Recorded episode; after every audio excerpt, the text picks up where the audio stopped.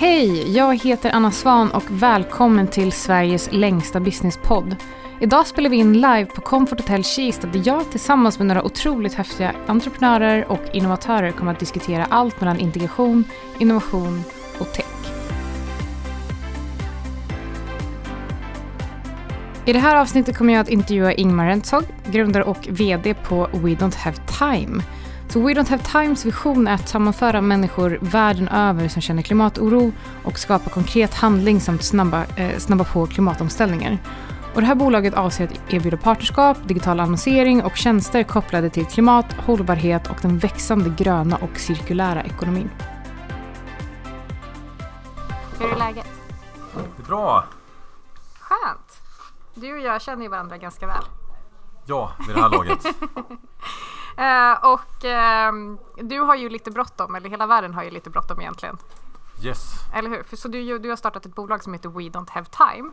Men du kom ju faktiskt egentligen från finansbranschen och det var där vi lärde känna varandra. Men du har sadlat om och blivit klimatentreprenör. Så berätta om uh, vem du är, hur din bana sett ut och hur det kommer sig att du lämnar din tidigare bransch för att arbeta aktivt för att rädda klimatet och världen. Börjar, yes. vem är Ingmar? Uh, vem är jag? Jag är en... Uh, vem är jag? Det var en filosofisk fråga. Uh, nej men jag har alltid gillat att lösa problem egentligen och därför så har jag ända sedan jag gick egentligen högstadiet drivit form av företagande.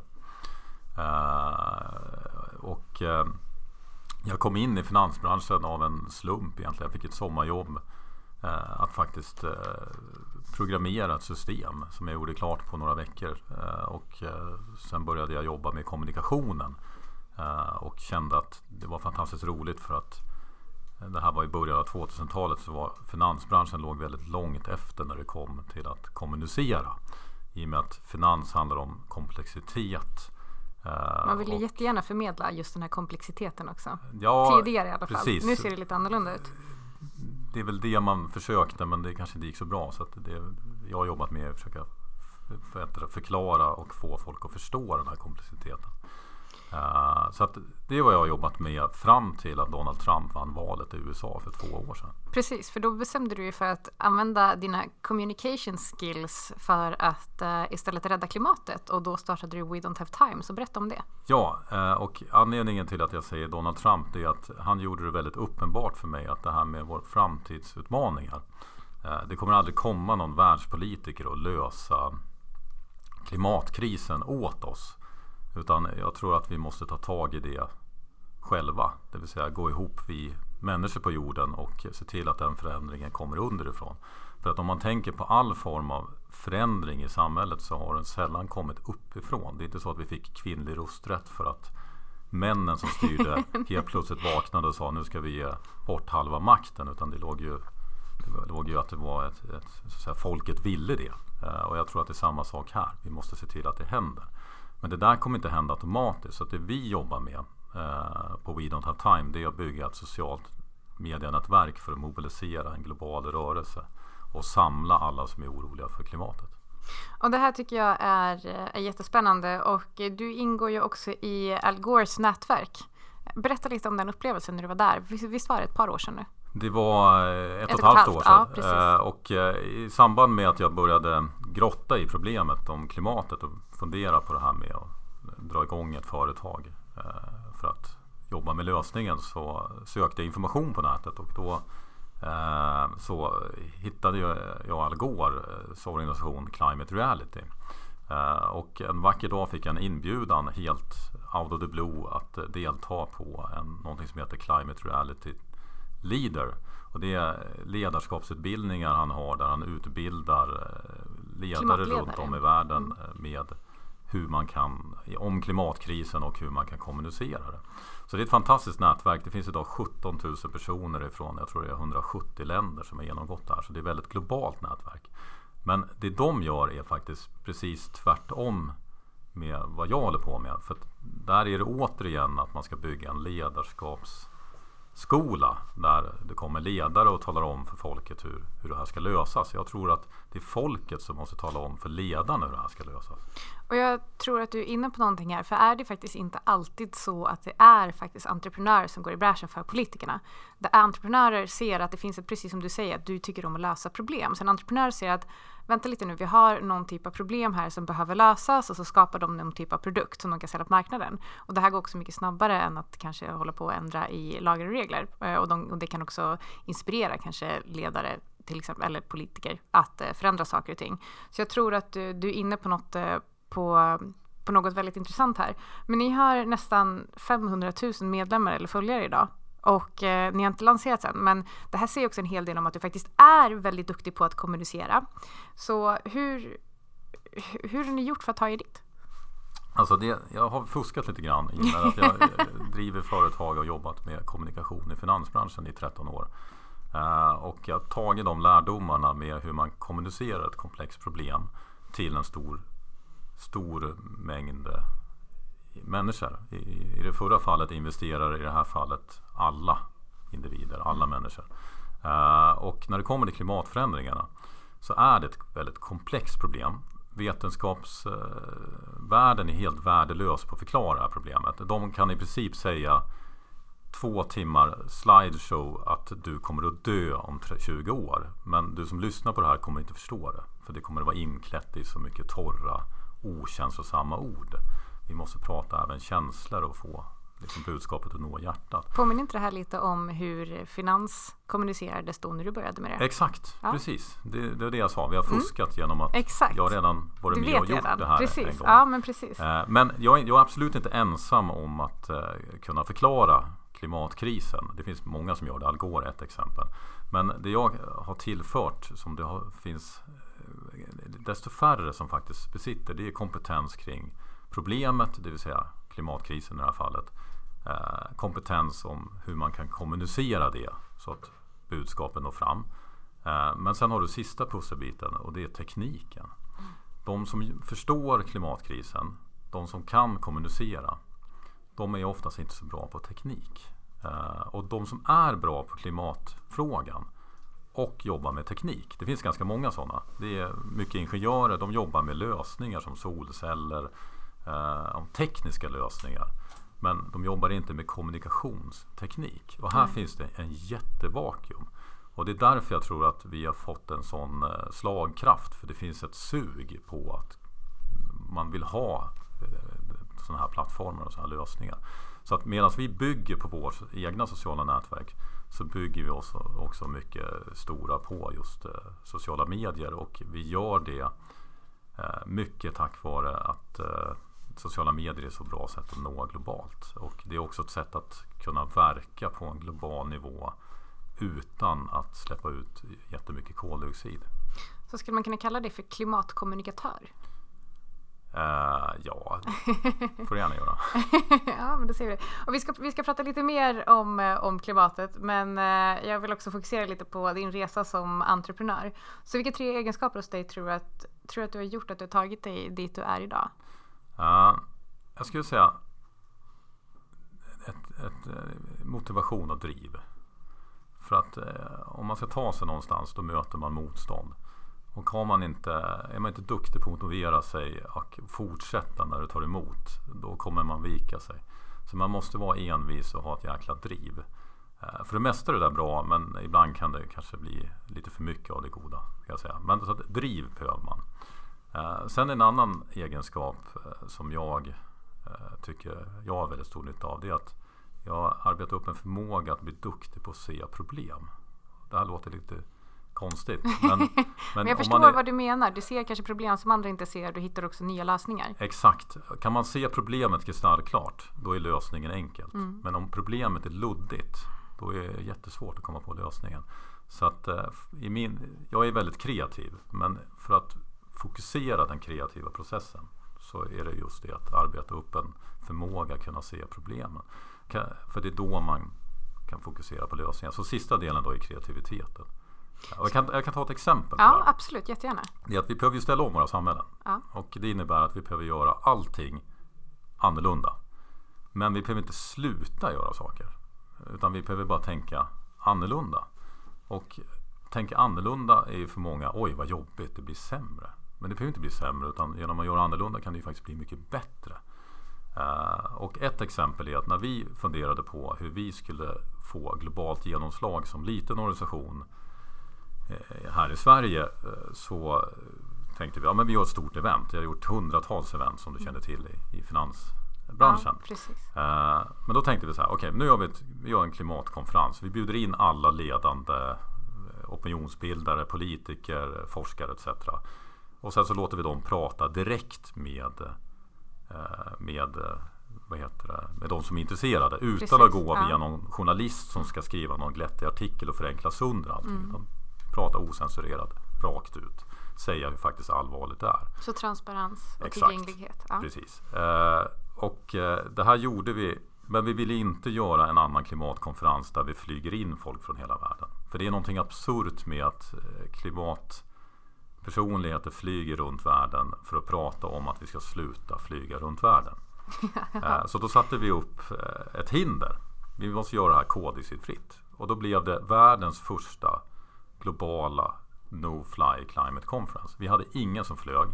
Eh, det lilla utsläpp vi ändå gjorde i form av det digitala och den fysiska publiken på plats kompenserade vi via eh, Trine faktiskt, via solceller. Via och Trine ska vi träffa precis, precis. efter dig. Ja. Eh, och sen lyckades vi få talare runt om hela jorden. Alltifrån Manhattan till Afrika till en glaciärstation, Indien och kopplade upp dem via videolänk. Och sen pratade de med varandra och med publiken. Och så fick vi en interaktivitet i det där och det där blev fantastiskt. Så vi har över en halv miljon tittare på det. Efter. Och jag har faktiskt sett den här videon i efterhand och jag blev, eh, fick verkligen gåshud när, när jag såg den. Men på tal om det här med, att inte flyga. Du har ju eh, antagit en utmaning. Mm. Du, du har inte flugit någonting i år och jag antar att det kommer fortsätta på det sättet. Eh, ja, eh, jag ska inte säga hela livet men, Nej, men det, nu jag ser inget behov av att flyga. Jag har inte tid att flyga. We don't have time. Och, eh, men det, det, det är också väldigt intressant att um, för jag pratade med Rutger innan om incitament och ledarskap, att man ska inspirera de man jobbar med. Eh, och det är precis som du säger, det är helt absurt att vi har miljöledare som flyger runt hela världen för att tala om för andra att de inte ska flyga. Det är lite som när föräldrar säger till sina barn, ni får inte äta godis på veckodagar, men så gör de det själva. För man Exakt. gör ju det ens ledare eller ens föräldrar eller företagsledare och så gör. Så man måste föregå med gott exempel. Hur viktigt tror du att det är och hur ska vi kunna göra det ännu mer? Jag tror det är superviktigt eh, att eh, kanske inte det här med att man ska vara på en pedestal och föregå med gott inte. exempel. Men, Men, eh, walk the talk kanske? Eh, ja, eller talk the walk snarare. Ja. Alltså att vi behöver prata om det ja. vi gör. För att ja. om, om jag slutar flyga, jag har noll, zero. Alltså, Moder Jord kommer inte märka det. Men om jag gör det och så smittar jag av mitt beteende på andra. Då händer det grejer. Och det här fallet vi gjorde med den här klimatkonferensen. Det var ju inte det att vi var så här, ja ah, vi gör en mycket sämre konferens. Vi gjorde en helt ny grej som fick mycket större genomslag än om vi hade haft det traditionella och sättet. Och nådde ut till många, många fler. För nu är den helt digital. Exakt. Ja. Så det viktiga här det är att det får inte bli en antirörelse. Sluta äta kött, sluta flyga, eh, sluta shoppa. Utan det behöver bli en rörelse med vad vi gör istället som är mycket bättre. Ska vi åka på semester? Det är ganska stressigt att packa sig in i en sardinburk i ett flygplan, åka iväg en weekend och sen så har man lite roligt en dag och så åker man hem. Man kommer inte hem särskilt utvilat. Tänk dig någonting bättre. Resan börjar på Stockholms centralstation. Du har första klass sovvagn som inte finns men det är bara någon som kan skaffa mm. eh, på riktigt. Eh, hotellet, du har bar, du liksom umgås under, eh, under resan ner. Ja. Eh, du kommer kanske inte fram till andra sidan jorden men du kommer fram till Barcelona och sen så åker du hem igen. Mm. Och du kanske kommer fram mycket mer utvilad. Och eh, det här är faktiskt jätteintressant för jag tänkte att vi skulle prata lite mer om innovation för klimat för jag har en fråga från Petter till men den ska vi avsluta med. Men du som också kommer från investerarperspektivet sen innan. Eh, man vet att vi från ett investerarperspektiv kan välja att investera i bolag som arbetar med klimatet på något sätt. Men hur gör man som entreprenör? Om man är entreprenör och säger att ja, men jag bygger saker, eh, jag tillverkar saker och sen säljer jag den här produkten eller tjänsten eller vad det nu kan vara. Va, vad, vad kan de tänka på för att göra det bättre för, eh, för klimatet? Ja, det beror ju helt på det beror helt på vad man, alltså vad, vad, man jobbar med. Men om man säljer liksom varor, produkter, fysiska eh, saker som du köper. Då har ju det en klimatpåverkan och en påverkan på ändliga resurser. Och det jag tror man ska tänka på där det är att se över sin affärsmodell. För att det är inte så att man måste tjäna pengar på att sälja sälja varan en gång. Nej. Uh, utan du kan ju sälja varan en gång och sen kan du köpa tillbaks den. Och för att ta ett mm. ganska knäppt exempel i det här fallet. Jag är, lite, jag är så här datanörd i botten. Mm. Och det är faktiskt en industri som är ganska duktig på det där. Det är att när du köper ett dataspel då kan du lämna in ditt gamla. Och då köper affären det och sen säljer de det vidare. Och då tjänar de ju pengar först när de sålde till mig första gången. Sen när de köpte det av mig och sen när de säljer det vidare. Ja. Då har de kanske hem gånger tre. Ja, eh, och de har inte alls slösat på naturens resurser lika mycket. Så att jag tror att eh, man, man får göra, tänka längre och tänka hållbart. Eh, även som affär och sen ta bort onödiga förpackningar och transporter. Och, hitta saker som är förmodligen är ganska lätta och då tjänar man oftast mer pengar. För emballage som är onödigt kostar pengar. Absolut, det gör det. Och det fick mig att tänka på den här kommunen nu som har valt att inte köpa in nya möbler utan istället göra om dem de har. Jag såg att jag tror att det var du som delade någonting om det här. Tror du att det här kommer bli vanligare? Uh, ja, det, det, tror jag. Jag delade uh, Eskilstuna kommun som gjort en jättebra grej. De uh, har skapat central med alla möbler så att när en enhet i kommunen ska minska så skickar de möblerna till en central där de katalogför det här, de renoverar upp dem. Sen när någon ska öka då kan de då internköpa det. Mm. Och Eskilstuna kommun de har sparat miljoner kronor på det här. Alltså flera miljoner i skattebetalarnas pengar. Eh, de, har sparat, de har sparat miljön. Mm. Och de har skapat arbetstillfällen. Mm. För det är någon som ska renovera upp de här grejerna. Det är ett Kinderägg. Ja. Det, och det är bra för alla. Och det gör att de kan sänka skatten om de vill. De kan spara miljön och de skapar arbetstillfällen. Så att eh, det är bingo. När jag delade det, mm. bara för att visa hur stort intresset är för det här. Jag fick tusen likes på LinkedIn. Jag tror att den här videon som 30 000 tittare och det är hundratals kommentarer. Så det finns ett jättesug på det här. Och det är också, jag tror också att det är extra känsligt just eftersom att vi, eh, vi är lite kinkiga med vad som händer med, våra, med, med pengarna som vi betalar i skatt. Mm. Så jag tror att det här är jättebra. Men, och, och det här låter ju helt fantastiskt men, eh, men när man tänker efter, är det inte helt sjukt att det inte har varit så innan? Det är helt sjukt. Och det vi har haft i debatten kring när det kommer till liksom eh, valrörelsen, då har det varit en debatt om att man slösar pengar för att man satsar på miljön. Mm. Uh, och så har man lyft fram exempelvis uh, cykelpremie, elcykelpremie etc. Uh, jag tycker att det är en helt sjuk debatt. För det man borde prata om det är ju att, att spara resurser är ju att spara pengar. Och det borde ju ligga i allas intressen, såväl vänster som höger. så att det går att göra otroligt mycket och att satsa miljövänligt är faktiskt att spara pengar, spara resurser. Jag håller, jag håller verkligen med. Och eh, om vi bara ska gå tillbaka till We Don't Have Time innan vi avslutar med en fråga från Petter. Hur går det för er nu och vad har ni i pipelinen? Eh, det går väldigt bra. Vi har eh, faktiskt en follow-up på det här seminariet jag pratade om eh, mm. nästa helg. Eh, mm, den 24 november. Eh, så att eh, gå gärna in och eh, titta på det. Och där stod det att man inte får komma om man måste flyga utan Exakt. det är tåg som gäller. Jag tyckte det var väldigt bra. Eller ja. titta digitalt. Ja, precis. Sen håller vi faktiskt på med nästa kapitalrunda. Så att vill man investera We Don't Have Time Sök upp mig och kontakta mig. Och intresset är väldigt stort vilket är Jätte, jättekul såklart. Och sen det vi jobbar jättemycket med det är att lansera vårt eh, sociala nätverk eh, på Earth Day som är 22 april nästa år. Då är det ändå väldigt snart. Ja, men vi har ju ont om tid. Så att... ja, ja, men ja, göteborgare eh, nästan skulle man kunna tänka sig. Ja, grejen är att det är faktiskt väldigt det är inte helt perfekt att döpa ett företag till We Don't Have Time för det blir så här program programmering. Eh, varje dag så tänker man att man inte har tid och det kan vara ganska stressande. Jag skulle du säga att dina kortisolnivåer har ökat sen du startade bolaget? Ja, du kan fråga min familj. Liksom. Ja. ja. Men för att avsluta då med en fråga från Petter innan vi ska träffa Sam från Trine. Så vilken innovation, eller eh, vilken är väl fel, men vilken typ av innovationer tror du kommer vara avgörande för klimatet? Vilken typ av gamla produkter idag tror vi kommer behöva byta ut för att eh, för att skapa ett hållbart klimat? Ja, alltså till att börja med så det behövs inte så mycket nya innovationer för att lösa klimatkrisen. Utan vi har alla innovationer vi behöver. Vi behöver bara ändra beteende. Men å andra sidan, det behövs alltid innovationer för att kunna ändra beteenden. Så det jag tror är att det behövs innovationer just inom området ändra beteende. Där We Don't Have Time kan vara ett sånt. Sen vill jag också flika in en annan sak. Uh. Vi måste innovera det räcker inte med att sluta släppa ut växthusgaser. Vi måste ta tillbaks det vi har släppt ut. Så att det kommer behövas innovationer för att ta tillbaks koldioxid i atmosfären. Det anser alla bedömare och det är helt sjukt att det inte satsas mer på det. Jag skulle vilja se ett Manhattan-projekt eller nästa Apollo-program. Oändlig finansiering, lås in världens smartaste entreprenörer och forskare i ett rum, gärna i Stockholm. låt oss bli världsledande och låt oss lösa det här. Det tycker jag låter som en eh, utmärkt plan. Tusen tack för att eh, du kom hit. Tack. Och eh, vill ni kontakta Ingmar eller nyfikna på We Don't Have Time så är det we don't have time.org. Yes. Super!